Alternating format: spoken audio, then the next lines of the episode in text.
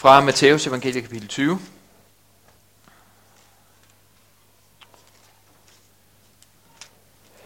skal jeg lige have det fundet.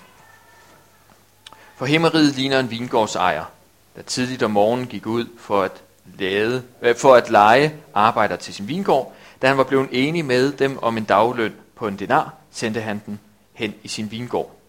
Ved den tredje time gik han ud og så nogle andre stå ledige på torvet, og han sagde til dem, Gå I også hen i min vingård, så skal jeg betale, hvad I har ret til. De gik derhen. Igen ved den 6. og den 9. time gik han ud og gjorde det samme. Ved den 11. time gik han derhen og fandt endnu nogen stående der, og han spurgte dem, hvorfor har I stået ledige her hele dagen? De svarede ham, fordi ingen har lejet os. Han sagde til dem, gå I også hen i min vingård. Da det blev aften, sagde vingårdens ejer til sin forvalter, kald arbejderne sammen og betal dem deres løn, men sådan, at du begynder med de sidste og ender med de første. Og de, der var blevet lejet i den 11. time, kom og fik hver en denar. denar. Da de første kom, troede de, at de ville få mere, men også de fik hver en denar. Da de fik den, gav de ondt af sig over for vingårdsejeren, og sagde, de sidste der har kun arbejdet en time, og du har stillet dem lige med os, der har båret dagens byrde og hede. Men han sagde til en af dem, min ven, jeg gør dig ikke uret. Blev du ikke enig med mig om en denar? Tag det, der er dit, og gå. Jeg vil give den sidste her det samme som dig. Herre, vi takker dig, fordi du er her den her formiddag. Vi beder dig Gud, om du vil tale igennem dit ord. Gør Kristus levende for os. Åbenbar ham for os igennem dit ord. Gud, vores øjne er rettet mod dig. Så øjnene er rettet mod dig. Ønsker bare at modtage for dig. Det er ikke smart tale eller god forberedelse, men det er din hellige kraft. Derfor lægger vi det hele over til dig. Takker dig, fordi du er her til stede.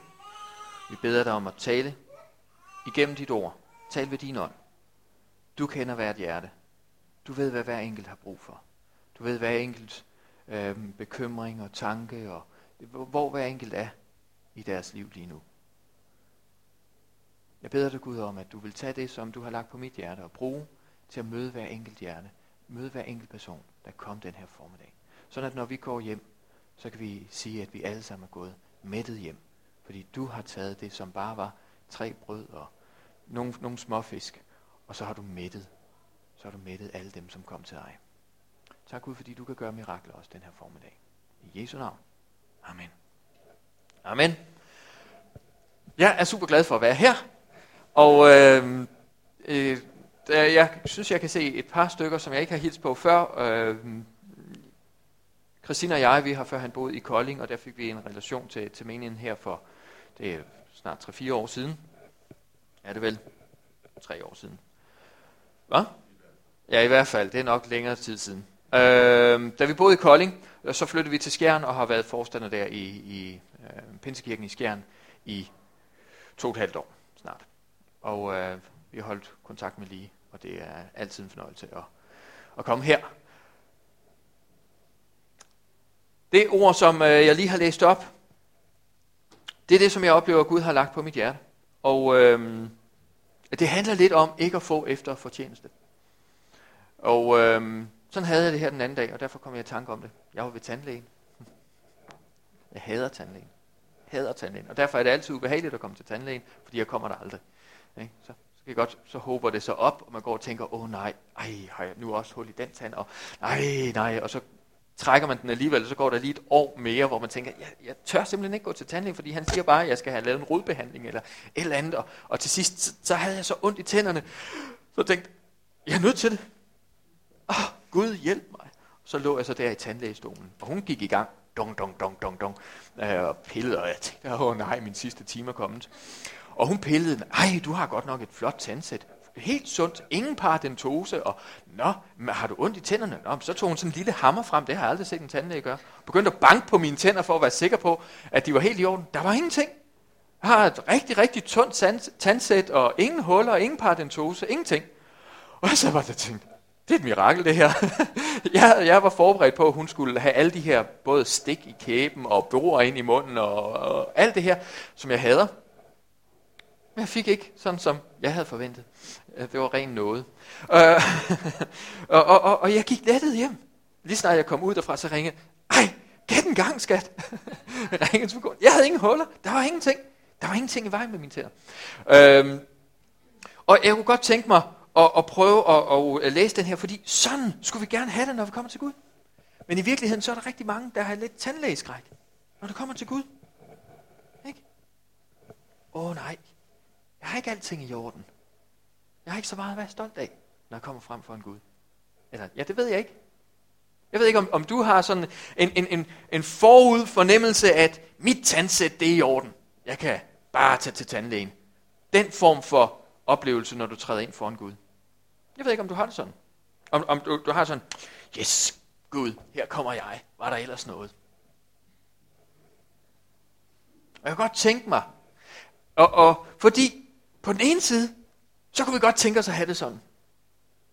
Og på den anden side, så ved vi også godt, ah, det kan vel ikke være helt rigtigt, at man bare kan komme sådan. Og her er der nemlig en beretning, hvor der var en, der kom sådan. Han havde styr på det. Hvis vi begynder at læse beretningen i Matteus evangeliet i, i slutningen af det 19. kapitel, så står der om den rige unge mand. Han havde tandsættet i orden. Han havde passet og plejet sine tænder. Han kommer løbende, hvis vi læser i, i Matteus, evangel, øh, Matteus evangeliet kapitel 19, så står der om den rige unge mand, der kom hen, og se, der kom en hen til Jesus og spurgte, Mester, hvad godt skal jeg gøre for at få evigt liv? Han svarede ham, hvorfor spørger du mig om det gode? En af den gode, men vil du gå ind til livet, så hold budene. Og den her beretning, den er skrevet i to andre evangelier også. Et sted, der står der om, om den rige unge mand, et andet sted står der om en ung mand, og øh, et sted står der om en, en, en lovlært. Og et sted står der, at han kaster sig ned foran, foran øh, Jesus og siger, Herre, hvad skal jeg gøre for at arve evigt liv? Og jeg ved ikke, om du har prøvet at tænke over den her mand her. Hvad vil du gøre, hvis han kom til din menighed? Hvad vil du gøre, hvis han kom til din menighed? Han er rig. Han er ung. Og når Jesus spørger, du skal bare holde budene, så siger han, du må ikke begå drab, du må ikke bryde et ægteskab, du må ikke stjæle, du må ikke vidne falsk af din far og din mor, du skal elske din næste som dig selv. Det har gjort alt sammen for min ungdom. Det har gjort alt sammen. Jeg ved ikke, hvordan I vil reagere, hvis der kom sådan en mand til jeres menighed. En rig, ung mand. Kaster sig ned, siger missionsforbundet her i Haderslev. Hvad skal jeg gøre? Hvad skal jeg gøre for at have evigt liv? Og I ved, at der er intet at udsætte på den mand. Han stjæler ikke, han lyver ikke. Når I spørger rundt omkring, så hører I bare, han, han er retfærdig, helt igennem. Lige fra sin ungdom. Der har aldrig været noget at udsætte på den mand. Hvis det ikke var fordi, han, han kom her til jer, så vil han garanteret være borgmester eller et eller andet. Han kommer og kaster sig ned her og spørger, vil I ikke nok hjælpe mig? Jeg har et problem. Jeg er ikke sikker på at, at, at, at komme i himlen. Hvad skal jeg gøre? Hvordan vil I reagere her, Missionsforbundet? Hvordan vil I reagere? Sig, du behøver ikke at gøre mere, bare kom her og sæt dig. Fedt, mand. Her har vi en vinder. Eller hvad? Hvordan reagerede Jesus? Der står en dag i en af evangelierne, Jesus så ham, fattede kærlighed til ham. Og så siger han til ham, gå hen selv alt, hvad du ejer. Giv det til de fattige, kom så og følg mig. Og der står manden, han blev rystet. Hans ansigt, der står i en af, af, af de andre, der står simpelthen beskrevet, hvordan hans ansigt, det, han blev ked af det. Tænkte, nej, her troede jeg, at alting var i orden. Jeg har holdt budene. Rig ung mand kommer her, kaster sig ned, siger, hvad kan jeg gøre? Jesus siger, gå selv alt, hvad du ejer, giv det til de fattige, kom så følg mig. Og manden gik bedrøvet bort. Manden gik væk. Manden gik ind og sagde, okay, missionsforbund, hvis det er det, jeg skal, så finder jeg en anden kirke. Vil I have mod til det? Hvorfor gør Jesus det? Hvad er det lige, der sker her?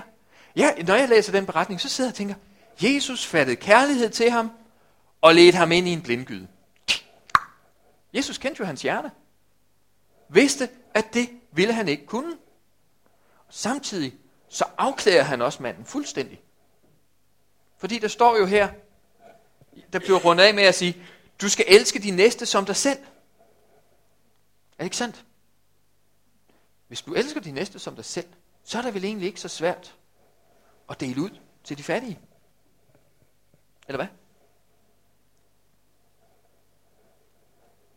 Så lige pludselig så bliver ham her, den lovlærte, fuldstændig afklædt. Hele hans mangel på evne til at opfylde det grundlæggende i loven.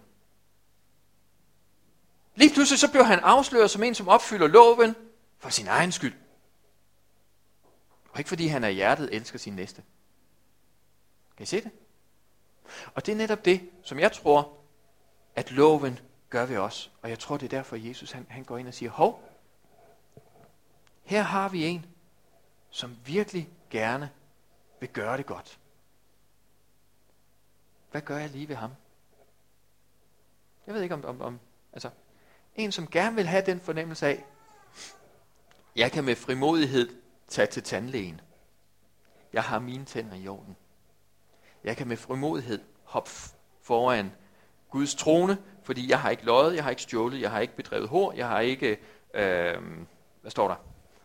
Løjet, stjålet, jeg har ikke brudt et ægteskab, jeg har ikke stjålet, jeg har ikke vidnet falsk, jeg ærer min far og min mor, og jeg elsker min næste som mig selv. Fint, Gud, her kommer jeg ind i tronsalen.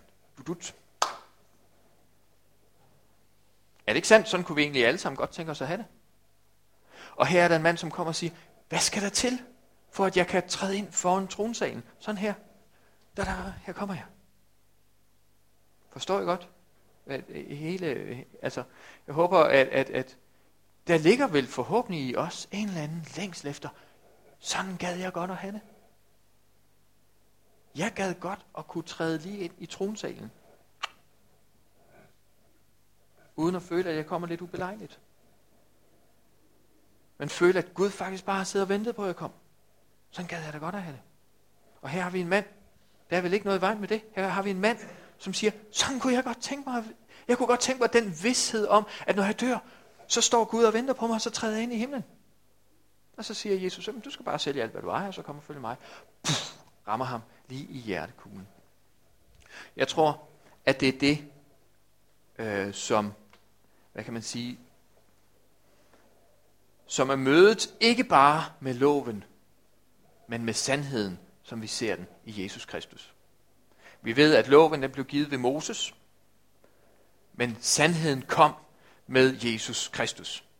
Sandheden det var, at det ikke nok ikke at begå hor, men hvis du kaster et lysten blik, det er ikke nok ikke at slå ihjel, men hvis du siger, du dår, så er du skyldig på samme måde.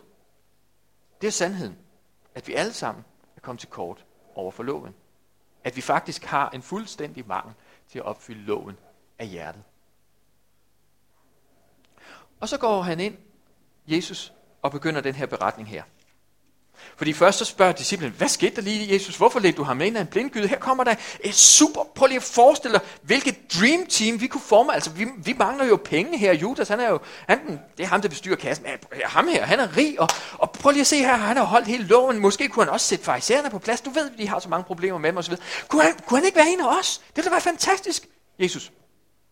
Jesus, nej, du er ikke. Det er ikke den type vi, vi lukker lige, vi leder ham lige ind af en blindgyde. Og, og, og så går Jesus i gang med at fortælle. Først så siger han så til disciplen, det er umuligt. Han siger, det, hvor er det svært for rige at komme ind i Guds rige. Så bliver disciplen fuldstændig bestyrtet, og der skal man lige have med i konteksten. I, i den, på den tid, øh, der var det et tegn på Guds velsignelse, at du var rig. Altså alt det her herlighedsteologi og alt sådan noget, som, som øh, florerer, øh, det var meget, meget udbredt på grund af hele den tradition, som jøderne havde. Alle dem, som var velsignet under den gamle pagt, de blev umådelige rige. Du kunne tage Abraham, Jakob, Isak, David, Salomon osv. Alle, der var under Guds velsignelse, et kendetegn på Guds velsignelse var, at de var umådelige rige. Så det var med i jødernes forståelse, hvis han var umådelig rig, så måtte han være under Guds velsignelse. Hvis en mand, som var under Guds velsignelse, ikke kunne blive frelst, hvem kan så blive frelst? Og Jesus siger, for, for mennesker er det umuligt, men for Gud er alting muligt. Og så går han ind og fortæller en historie, fordi så slutter den af her, mange af de første skal blive de sidste, og mange af de sidste de første. Og så fortæller han en fuldstændig uretfærdig historie, som mange af jer garanteret har hørt før. En mand, som går ud og, og hyrer nogle tjenere, siger, kom, i skal komme og arbejde her. I skal arbejde hele dagen, er vi enige om, du får en dinar. Det var de enige om. Du får en dinar. En dagsløn. Hvad er en dagsløn? Ah, er det en... Får man en, en 1000 kroner selv? Hvis man skulle have en dagsløn? Altså, det er omkring. Måske lidt, ah, lidt mere. Måske, men. Du får en 1000 kroner selv. Du kommer og arbejder for mig. Jeg skal have et eller andet, som jeg ikke kan finde ud af. Det er faktisk ret meget af det, som, jeg, som det, du kan finde ud af, som jeg ikke kan finde ud af. Men, men, men, men Torben, hvis du kommer hjem og øh, lærer mig, hvordan jeg skal fjerne de her fuger her og omfuge af murstenene, det garanteret. Det kan jeg overhovedet ikke finde ud af sådan noget. Eller et eller andet. Jeg giver dig en 1000 kroner selv. Og så kommer han ellers og knokler. Så kommer der nogle andre, øh, fordi jeg kan se, at, at Torben og jeg, Torben han arbejder meget fornuftigt, det gør jeg ikke, så jeg er nødt til at få en anden en med. Så jeg går ud og finder en i skjern og siger, her, øh, kom og arbejde, så skal jeg nok give dig, hvad der, er, hvad der er retfærdigt, hvad der tilkommer dig. Og han kommer så, og øh, Torben han tænker, wow, fedt nok, der kommer en mere, så skal jeg ikke gå der og fuge hele huset om der.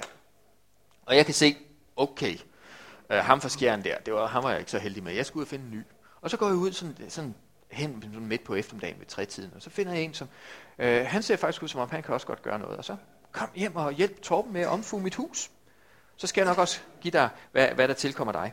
Og jeg kan se, nu, nu, nu har vi aftalt, at vi slutter der ved, ved, ved 6-7-tiden, og jeg kan se, når det nærmer sig ved 5-tiden, der skal mere til. Så jeg går ud i byen, og så finder jeg en murer og siger, kom du bare.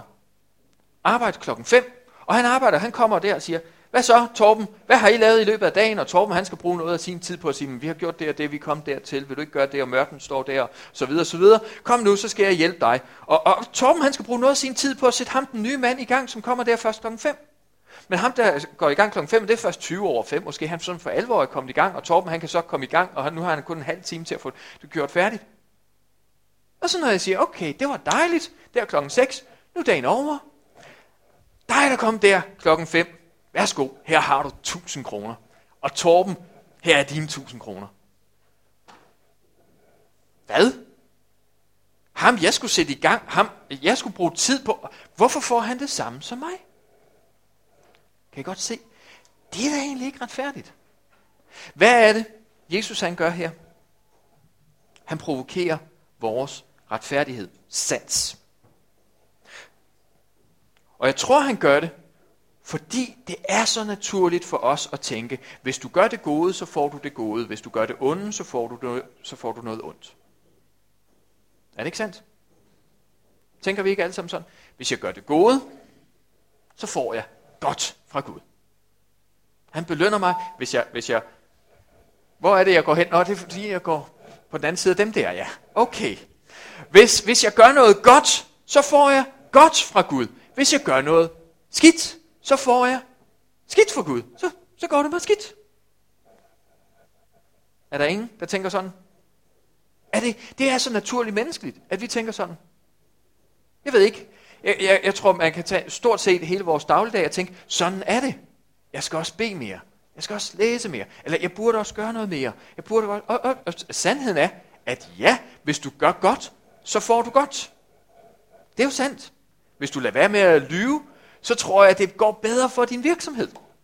Hvis du stopper med at stjæle, så kan det godt være, at, at du kommer udenom nogle problemer i dit liv. Okay? Det kan godt være, at hvis du lader være med at bedrive hurtigt, dit ægteskab bliver bedre. Er det ikke sandt? Altså, er vi enige om, at ja, der er, der er sandhed i det. At hvis jeg gør det gode, så får jeg det gode, og hvis jeg render rundt og lyver, jamen så må jeg selv bære straffen for det. Sådan tænker vi.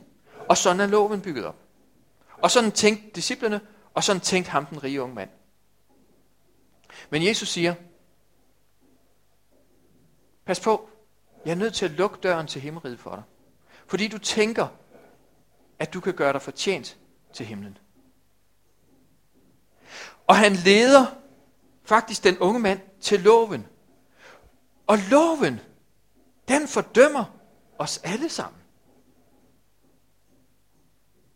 Det er lovens opgave. Hvis vi går om og læser i, der, der er flere steder, både i Korintherbrevet og Romerbrevet, der står der at, om, at den pagt, som havde ordet, øh, hvad står der, ikke, ikke indgraveret, men hugget i sten, det var altså de ti bud, den havde, den gjorde dødens tjeneste. Jeg ved ikke, hvordan I har det, men ofte, når man begynder at læse Bibelen, så kan man mærke, åh oh, nej, så mange ting Gud har imod mig. Arme jeg.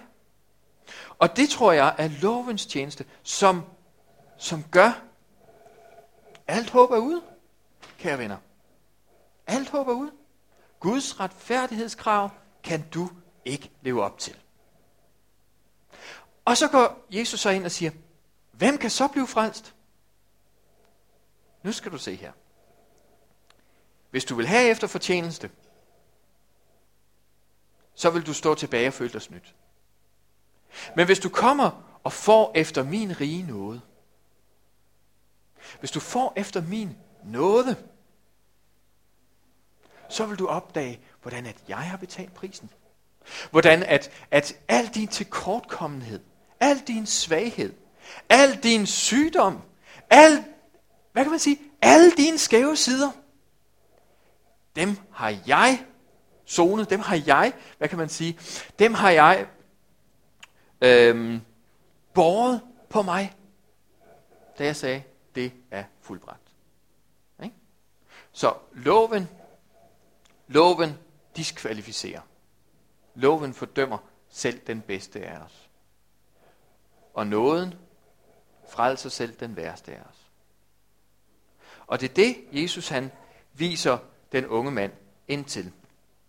Det er det, Jesus han er nødt til at sige. Du er nødt til, hvis, hvis, du, hvis du tænker, okay, øh, jeg har holdt budene. Jeg har ikke bedrevet hår, jeg har ikke løjet, jeg har ikke stjålet, jeg har æret min mor og min far, jeg elsker min næste som mig selv. Så må jeg kunne træde frimodigt frem for en trone. Hvis vi begynder på det,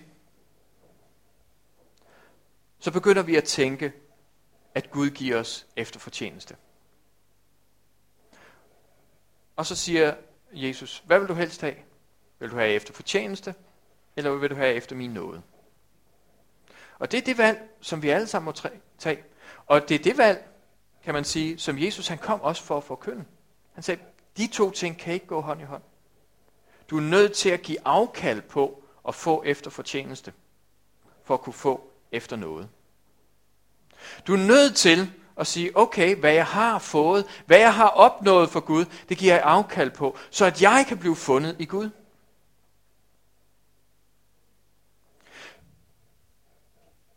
Hvis vi går ind og, og kigger, nej, vi, vi kan også tage den omvendt.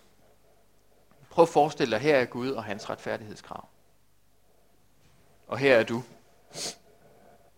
Du prøver og det, du oplever sådan, det går sådan lidt op og ned. Det ved jeg ikke om dit liv, øh, men, men sådan er mit liv i hvert fald. Jeg synes nogle gange, ja, det var en god dag. Ah, det kunne jeg have gjort bedre en god dag, og dårlig dag, god dag, dårlig dag. Sådan, blablabla. Men stille og roligt, jeg synes, der er nogle ting, jeg får styr på. Jeg er ikke der, hvor jeg, hvor jeg har været, men jeg er heller ikke der, hvor jeg gerne vil være. Men, men stille og roligt, det, sådan, sådan, det begynder at sådan, lige noget, ikke? Ah, det ved jeg ikke. Der er faktisk ikke så meget at komme efter. Men, men alligevel, sådan, det kommer an på, hvem jeg sammenligner mig med. Kender I godt fornemmelsen? Nu sidder jeg og kigger rundt. Ah, okay, sådan er jeg i hvert fald ikke. Altså, så det, det vil jeg aldrig gøre, sådan som de gør. De bagtaler. Det kan jeg ikke lide. Det gør jeg ikke. ikke. Der er nogen, der tænker sådan. Det er rart. Sådan tænker jeg nogle gange. Tænker, ah, bagtagelse gør jeg i hvert fald ikke. Og, og, og, og, og problemet er, hvis vi begynder sådan at, at sammenligne os med hinanden. Her har vi øh, min retfærdighed. Og så har jeg fundet nogen, som jeg elsker at, at sammenligne mig med. For slet, ikke, for slet ikke at tale om, at jeg har en, øh, jeg har en svoger, som er homoseksuel. Wow, når jeg sammenligner mig med ham, så føler jeg lige pludselig, at det går mig rigtig godt. Kender I det fornemmelse? Jeg ved godt, det måske er lidt kontroversielt og så videre. Men, men så, så, så, så stiver man sig selv lidt af og tænker, jeg har det i hvert fald bedre end ham. Problemet er bare, at ligegyldigt hvor meget jeg måler og, og sammenligner med, med, med, med mig selv og, og med andre osv., i forhold til Guds retfærdighed, så er, vi jo, så er det jo sådan stort set et fedt.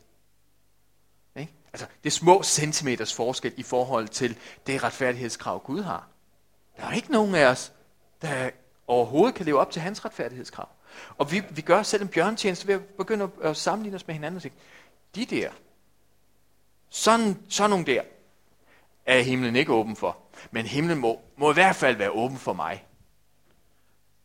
Og så tror vi, vi får efter fortjeneste. Og så begynder vi at lukke, nåden, øh, øh, lukke loven ind, og så begynder vi lige pludselig at, at køre. Altså, loven den kan gøre to ting. Den provokerer dit kød. Og så kalder den på en hel masse lidenskaber hos dig. Og så kommer du til kort. Hvis du begynder at stole på dit kød, og tænker, yes, i morgen skal der bare blæse igennem, du. Sådan. Jeg står op klokken 5, jeg sætter begge uger, og det kan være, at det lykkes for dig. Det kan være, at det lykkes i morgen, så beder du klokken 5, og du beder en time. Sådan. De andre skulle bare vide, hvad jeg har gjort. Kender I fornemmelsen?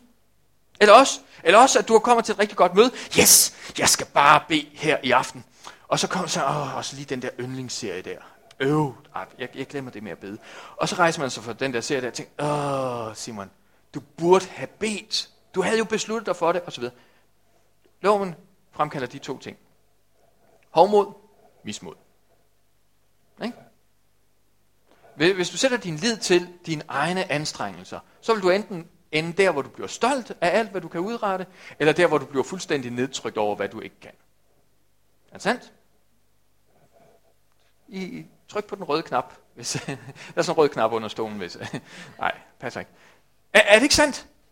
Hvis vi begynder at kigge på os selv og sætte vores tillid til, at det er også mig, det kommer an på, så ender vi enten med at blive rigtig, rigtig stolte, eller rigtig, rigtig øh, nedtrykte over, at vi hele tiden kommer til kort. Nå, det, det er jo sådan, hvad kan man sige, det er, øh, øh, er den her skyldfornemmelse. Ikke? Og, og, og hvis vi er rigtig, rigtig, øh, hvad kan man sige, hvis vi ikke skynder os til Kristus, og kommer med at sige, det gik ikke så godt Gud, så vil den her skyld give en ny beslutsomhed. Ej, det smuttede for mig, men i morgen, så gør jeg det. Eller hvis, hvis, hvis, hvis det er øh, internet, eller hvis det er... Så, jeg tænder aldrig mere den computer. Jeg, jeg, jeg, jeg, kender I, øh, jeg, jeg, øh, jeg spiller aldrig mere. Jeg ryger aldrig mere. Jeg går aldrig mere i... Og så videre. Stadigvæk en tillid til kødet. Stadigvæk et fokus på dig selv, om at det er dig, der skal give dig indgangsbilletten. Og her Hele den her, ja, der er nogle ting, du kan lykkes med. Men du kan altså ikke lykkes med at, at, at skaffe dig adgangsbilletten til himlen. For Gud han har givet os loven for at indslutte alle under ulydighed. For at afsløre os alle sammen som bundfordærvede syndere. Og det har vi alle sammen. Så hvis der er nogen af os, der skal frelses, så må det være ved Guds store nåde. Og det er det gode ved det. Der hvor loven den kan se selv den allerbedste af os. Selv den allerbedste. Selv den rige mand der, som har holdt loven, han kan se os af loven. For loven gør dødens tjeneste. Så nåden, den frelser selv den værste af os. Selv den værste af os frelses ved Guds store nåde. Selv ham, der kommer at bare til besvær for Torben, der kommer lige den aller sidste time, og han skal instrueres i alt muligt. Han får den fulde løn. Nu må jeg trykke på den grønne knap hvis I er med. han får den fulde løn, og det er det, vi må forstå, fordi der ligger hele nøglen til at begynde at elske Gud af hele vores hjerte, af hele vores sjæl, af hele vores styrke, og elske vores næste som os selv. Der begynder vi lige pludselig, i stedet for, at det er en hel masse principper, en hel masse ting, som vi også skal prøve at knokle efter, og jo mere vi læser Bibelen, jo mere vi begynder at kende ham, jo mere nedtryk bliver vi. Så lige pludselig, så, så er det ikke bare sandheden, som vi vokser i, men så er det også nåden. Det er nåden og sandheden. Lige pludselig for, så, så forstår vi, at kristendommens kerne ikke er en hel masse principper, som jeg hele tiden halter bagefter, men det er en relation med Herren Jesus Kristus. Og han elskede mig så meget, så han gav sit liv for mig. Så lige pludselig forstår jeg, at han sendte Gud i himlen, sendte sin eneste søn. Jeg ved ikke, om, om, om du forstår det her. Vi, vi har sådan en, en måde at sige det på i, i, i skjern. Vi beskriver det ude fra Vesterhavet. Jeg tror, jeg har nævnt den her illustru- illustration for dig førhen, øh, eller for nogle af jer i hvert fald. Men, men det er en god illustration. En mand kommer ud til Vesterhavet og ser, at der har været en ordentlig vestenstorm, eller hvad det nu er. Øh, og, og der er smidt en hel masse søstjerner op på stranden. Så langt øjet rækker, ligger de her lille rødlige søstjerner. Hele vejen langs med, med, med stranden, og der er ikke bare 100. Det er så langt øjet rækker, der er 10.000 af søstjerner. Og han godt tænker, det var godt nok synd skam. De kommer jo til at dø, vand det vil trække sig tilbage, de ligger tør ud. Øh, og så ser han en dreng, der løber rundt. Og kaster søstjerner ud. Og man tænker, stakkels lille naive dreng. Går hen til ham og siger, jamen min kære dreng, jeg kan godt se, det er flot, at du går der og kaster søstjerner ud. Det er jo flot. Men helt ærligt, prøv at se, hvor mange søstjerner der er. Det, det batter jo ingenting. Det, be, det betyder ikke noget, det du gør. Så tager han en søstjerne mere, siger For den søstjerne betød det noget. For den søstjerne betød det noget. Og den illustration, jeg kunne godt tænke mig, at du forstår, at for den søstjerne betød det noget. Og, og på samme måde, du kender sikkert nogle folk i din omgangskreds, som ikke kender Kristus. Og du tænker, der er jo tusinder i byen her. Hvad nytter det? For den, du fortæller om Kristus, der betyder det noget. Og jeg vil gerne have, at du forstår, at den glæde, den søstjerne har, den tænker, yes, jeg er fransk. Den glæde har, den glæde er der også i himlen. Yes! Det er det, som hele beretningen om det fortabte får, og mønten og den fortabte søn osv., den, den fortæller os om, kunne, kunne manden ikke være glad for de 99? Nej, for det ene får betød det noget. Det ene får tænkte ikke, åh min herre, han har jo 99. Det er lige meget, at jeg går fortabt. Det får glædet sig. Yes, jeg er frelst. Og den glæde er der også i himlen. Og det er vigtigt, at du forstår, at Gud gav sin eneste søn. Han gav sin eneste søn for dig. For dig. At Gud han er ikke bare god mod hele verden. Han er god mod dig. Han frelste dig. Han gav sin eneste søn for at få dig. Og når det er det, som, som, som Jesus han fortæller om her, han siger, når det først falder på plads, når du forstår det, så tror jeg også på, at hele bevæggrunden, hele hjertet, hjerte, motivationen for at overholde loven, den falder på plads. Det er jo sådan, at dengang jeg var, øh, øh, det lød rigtig, rigtig skidt. Dengang jeg var forelsket i Christina, skulle jeg lige til at sige. Øhm, øh, hun er ikke her, I må ikke sige det ting. Men, men, øh, jeg er vildt forelsket i min, min pragtfulde kone. Vi har fem børn, og vi nyder livet. Øhm, men, men, der var en gang i, øh, uha, herrens år, 1993, forrige årtusinde. Øhm, der, øhm, jeg boede i, i, i Maja, var på bibelskolen i, i Maja, og min kone boede i Randers. Og øh, vi havde tidligt fri, så jeg tænkte, jeg ville besøge min kone. Der er 25 km til Randers, så det var bare lige ned at tage bussen. Jeg tog en, en taske på ryggen, og så opdagede jeg, at bussen var kørt. Jeg tænkte, det skal ikke forhindre mig. Så jeg tog lige spændt tasken lidt bedre, og så løb jeg. Og øh, jeg ved ikke, hvor lang tid det tog. Men jeg løb i hvert fald de der 25 km til Randers. Jeg tænkte, hvorfor ikke? Og, øhm, og altså, bare for den her, altså, når hjertet er på plads, der er jo ikke nogen, der har ondt af mig. Nej, hvor var det synd for dig. Folk er snarere misundelige på mig. Tænk, hvor er det fedt at være så forelsket, at man bare vil gøre det. Ikke sandt? Hvis vi læser om i Bibelen, så står det faktisk et andet sted. Hvis en elsker så meget, at han giver alt, hvad han ejer, for kærlighed, hvem vil så ringagte ham? Hvem vil være misundelig på ham? Hvis du elsker så meget, at du vil give alt, hvad du ejer for kærligheden, er der så nogen, der vil tænke, åh, oh, det er også synd for ham, han elsker så meget? Nej, der er der ingen, der har ondt af en forelsket mand. Er der nogen, der har ondt af en forelsket mand? Det er der ikke nogen, der har ondt af, vel? Tværtimod, som sådan lidt jaloux. Ej, mand, det må da være en fantastisk kvinde, han er forelsket i, siden at han giver alt, hvad han ejer, og løber 25 km. Er ikke sandt? Og det er det, som Jesus han går ind og siger. lad nu bare mig vinde dit hjerte. Lad nu bare mig vinde dit hjerte. Lad nu mig vise dig, hvad jeg har gjort for dig. I stedet for at du er så optaget af alt, hvad du skal gøre for mig. Fordi hvis du er så optaget af alt, hvad du skal gøre for mig, så ender du med at falde ind under loven, du ender med at blive mismodig eller, eller hovmodig osv. Men hvil i det, som jeg har gjort for dig.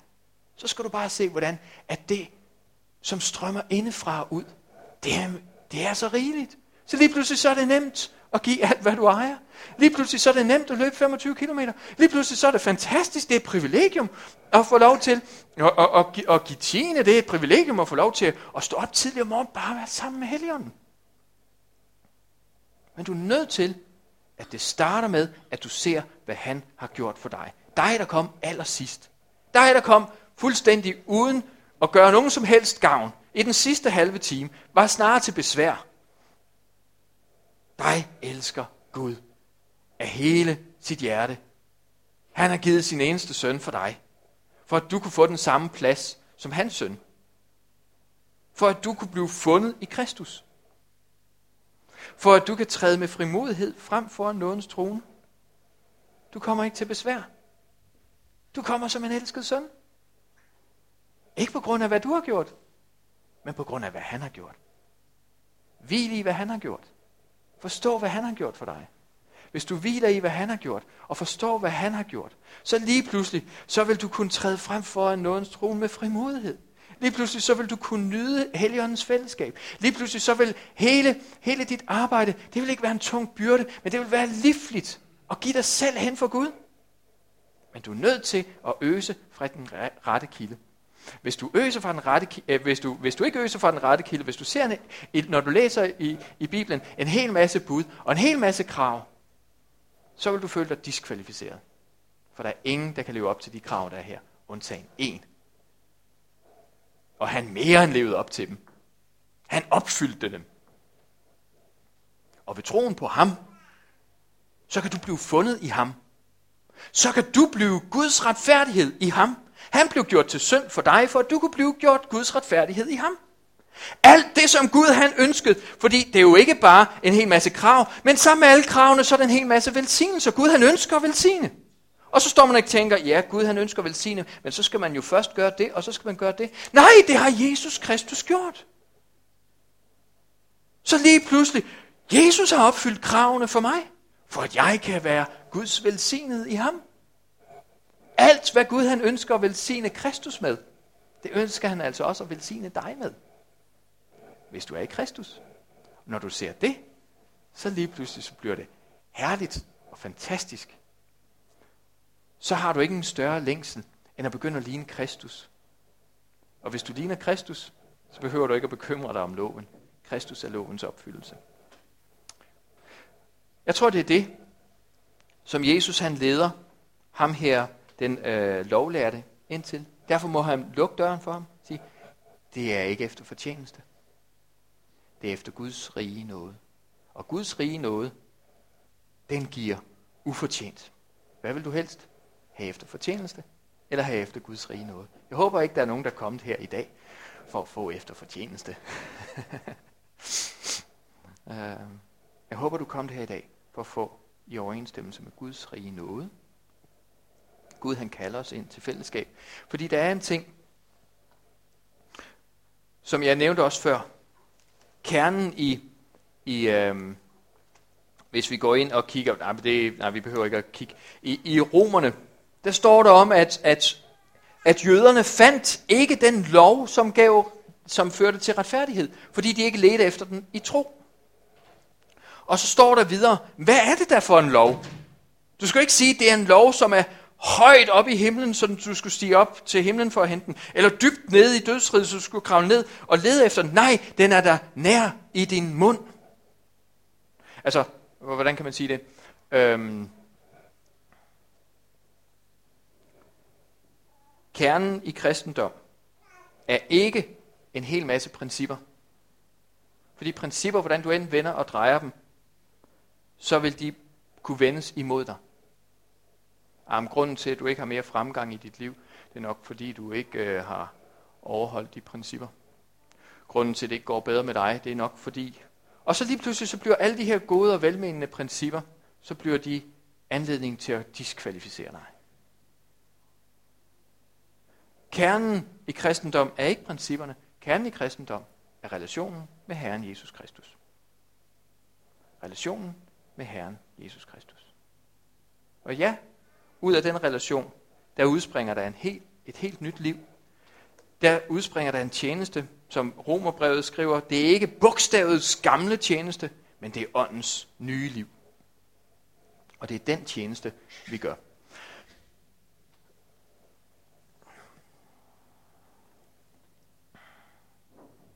Jeg kunne godt tænke mig at... Øh, jeg ved ikke engang, hvad tiden siger. Den siger langt over i overtid. Jeg ved ikke engang, hvornår jeg startede, eller hvornår jeg skal slutte. Hvad siger Torben? Jeg kunne godt tænke mig, at Torben han siger ikke noget. Så er det ham, I skal gå til bagefter. Han havde chancen.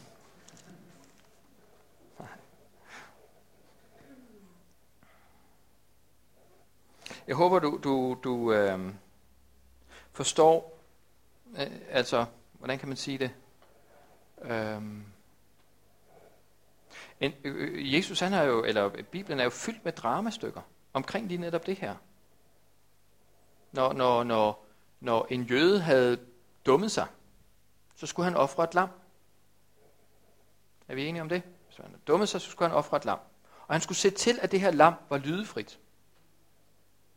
Det var uden, at der ikke var nogen fejl på det. Så tager han lammet og går op til præsten. Præsten kigger på lammet. Og tænker, okay, der er ingen fejl på det her. Her står jeg. Jamen sønder, jeg har dummet mig. Og jeg ved det. Men jeg finder et lam, som er uden fejl, og giver det til præsten. Hvad kigger jeg på? Står jeg og kigger på mig selv? Nej, jeg sørger for, at lammet er uden fejl.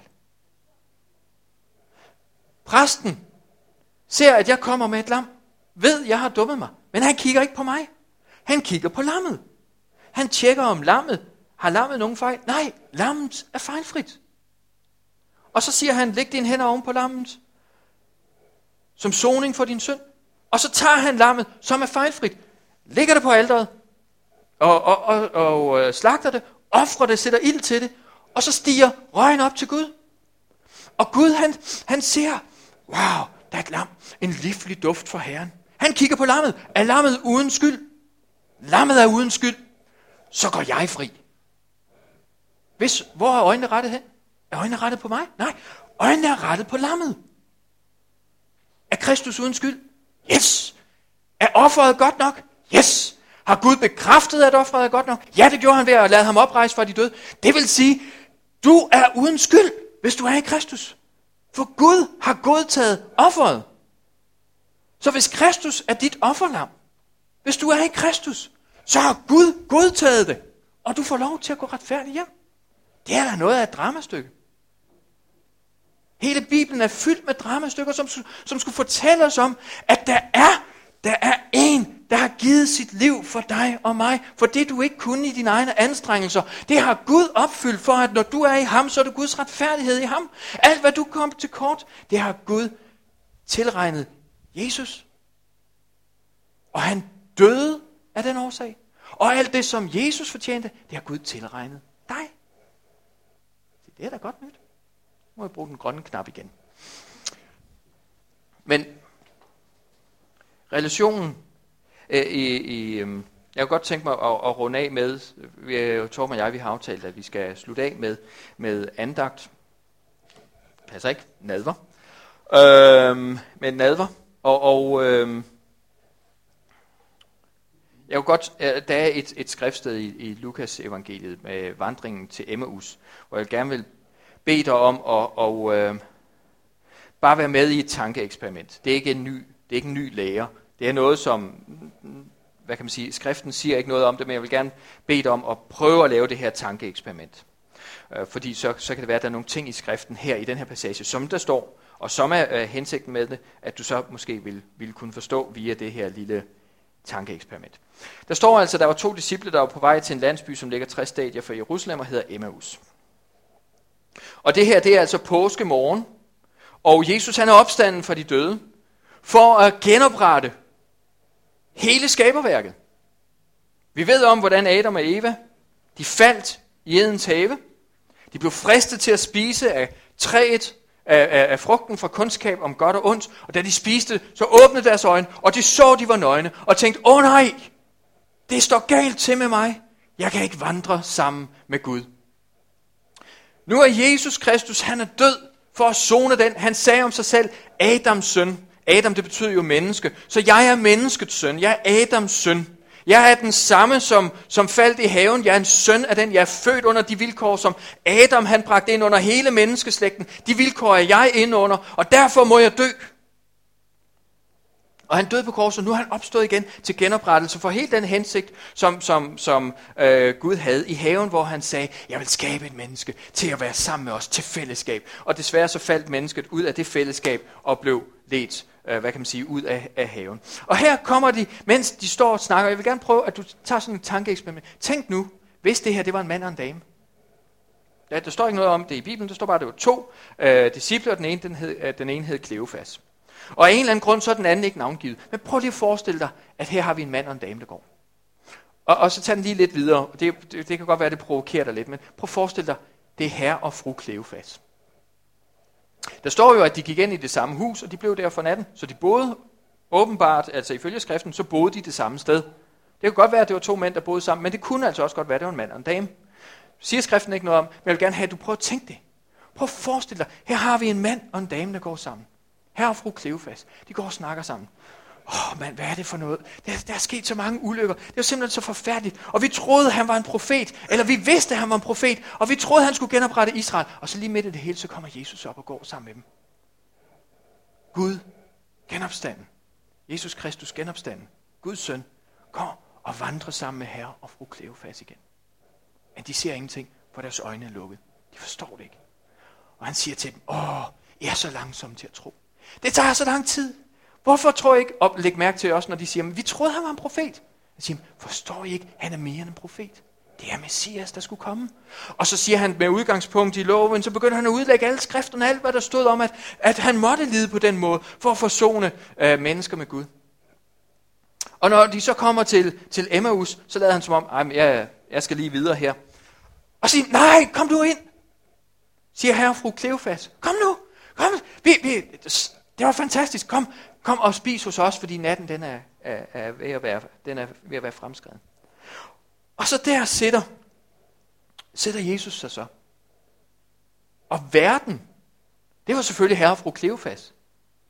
Men lige pludselig, så er det ikke længere verden. Verden bryder brødet. Lige pludselig så er det Jesus, der bryder brødet. Lige pludselig så er det ikke herre og fru Kleofas bord. Lige pludselig så er det en mulighed for at sidde med fællesskab sammen med Jesus. Han bryder brødet. Det her er mit læme.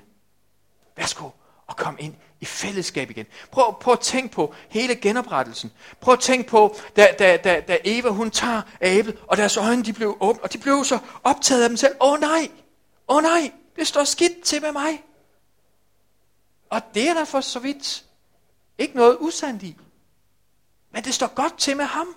Hold dine øjne på ham. Han er dit offerlam. Og lige pludselig, når han bryder brød, så ser de ham. Wow! Brændte vores hjerter ikke? Det var altså ikke, det var ikke en ny teori. Det var altså ikke en ny lære. Det var fællesskabet med Gud i nadveren og i ordet. Jeg håber på, når vi går ind i nadveren, at du så vil opleve, hvordan at Gud han indbyder dig. Der, der er et, et tema i hele Lukas evangeliet, der handler om at sidde med Jesus som vært. Hele, hele Lukas evangeliet, du kan gå hjem og læse det, der hvor, hvor Zacchaeus inviterer Jesus ind, så er det Jesus, der er vært. Det er ham, der bryder brødet, og farisæerne ser det. Han øh, sidder til bords både med toller og sønder osv. Hele, hele Lukas evangeliet, der er nogle steder, hvor Jesus ikke sidder med som vært, der står han siger, han sad og holdt øje med, med dem, som udsøgte sig de fineste pladser osv. Og så er der en, der udbryder, lovet være den, eller opsalig den, som sidder øh, øh, øh, til, til det himmelske måltid, som sidder ved, ved det gæstebud, som Gud skal give. Og så siger øh, Jesus, I kunne bare have mig som vært. Altså, og så begynder han hele fortællingen om kongesøndens bryllup, om at der var sendt invitationer ud. Og på samme måde, så har Gud sendte invitationer ud til dig og mig, og den invitation går ud i dag. Gud længes efter at have fællesskab med dig. Missionsforbundet i Haderslev. Gud indbyder dig i dag til fællesskab med ham. Fjern blikket fra dig selv. Du kan være optaget af alt det, du har opnået, og alle de gode ting, du har. Det bærer dig ikke rigtigt for alvor. Du kan også være fuldstændig nedtrykt over alle de ting, som du ikke kan. Det betyder ikke noget, hvis du er i Kristus. Han skal nok sørge for at fuldende det værk, han har startet i dig. Hold dit blik rettet mod ham. Han indbyder dig. Fordi du kan vælge i dag, om, om du tror, at det her det er en hel masse fine principper og noget, du skal gå hjem virkelig og knokle med. Så vil du sandsynligvis vågne op i morgen enten med hovmod eller med mismod. Det er det ikke. Det her det er et fællesskab med Herren Jesus Kristus. Det er en indbydelse til at leve dit liv sammen med ham. Han tager byrden fra dig. Og lige pludselig så oplever du, at du bliver forelsket i ham på ny. Og så er byrden lige pludselig ikke tung at bære. Det er det, det handler om. Det er det, nadveren også handler om. Kom ind i fællesskab med Kristus. Så vil du opleve, når du holder øjnene rettet mod ham, så lige pludselig så begynder din egen tilkortkommenhed din egen hovmod osv., det begynder at være så ubetydeligt. Fordi han har gjort det hele. Han elsker dig. Han elsker dig. Og øh, mens det var bare... Øh, skal vi ikke øh, tage nadver, mens jeg giver ordet over til Torben? Så håber jeg, at du også lige vil, vil tænke over det. Han er verden. Hvis, hvis vi læser i Lukas evangelie kapitel 10, så står der også, øh, for at understrege hele det her, hele det her øh, tema omkring det at sidde ved bordet. Maria og Martha. Er du nødt til at tænde mikrofonen, eller så stopper jeg med at snakke. Nej, men, men hvis du tænker med, med hele temaet omkring Maria og Martha. Jesus han var gæst i huset. Men Maria, hun sætter sig ned for fødderne af ham, som om det var ham, der var vært. Og Martha, hun er travlt, hun gør sig bekymringer om mange ting og er urolig. Og Jesus siger til hende, stop nu.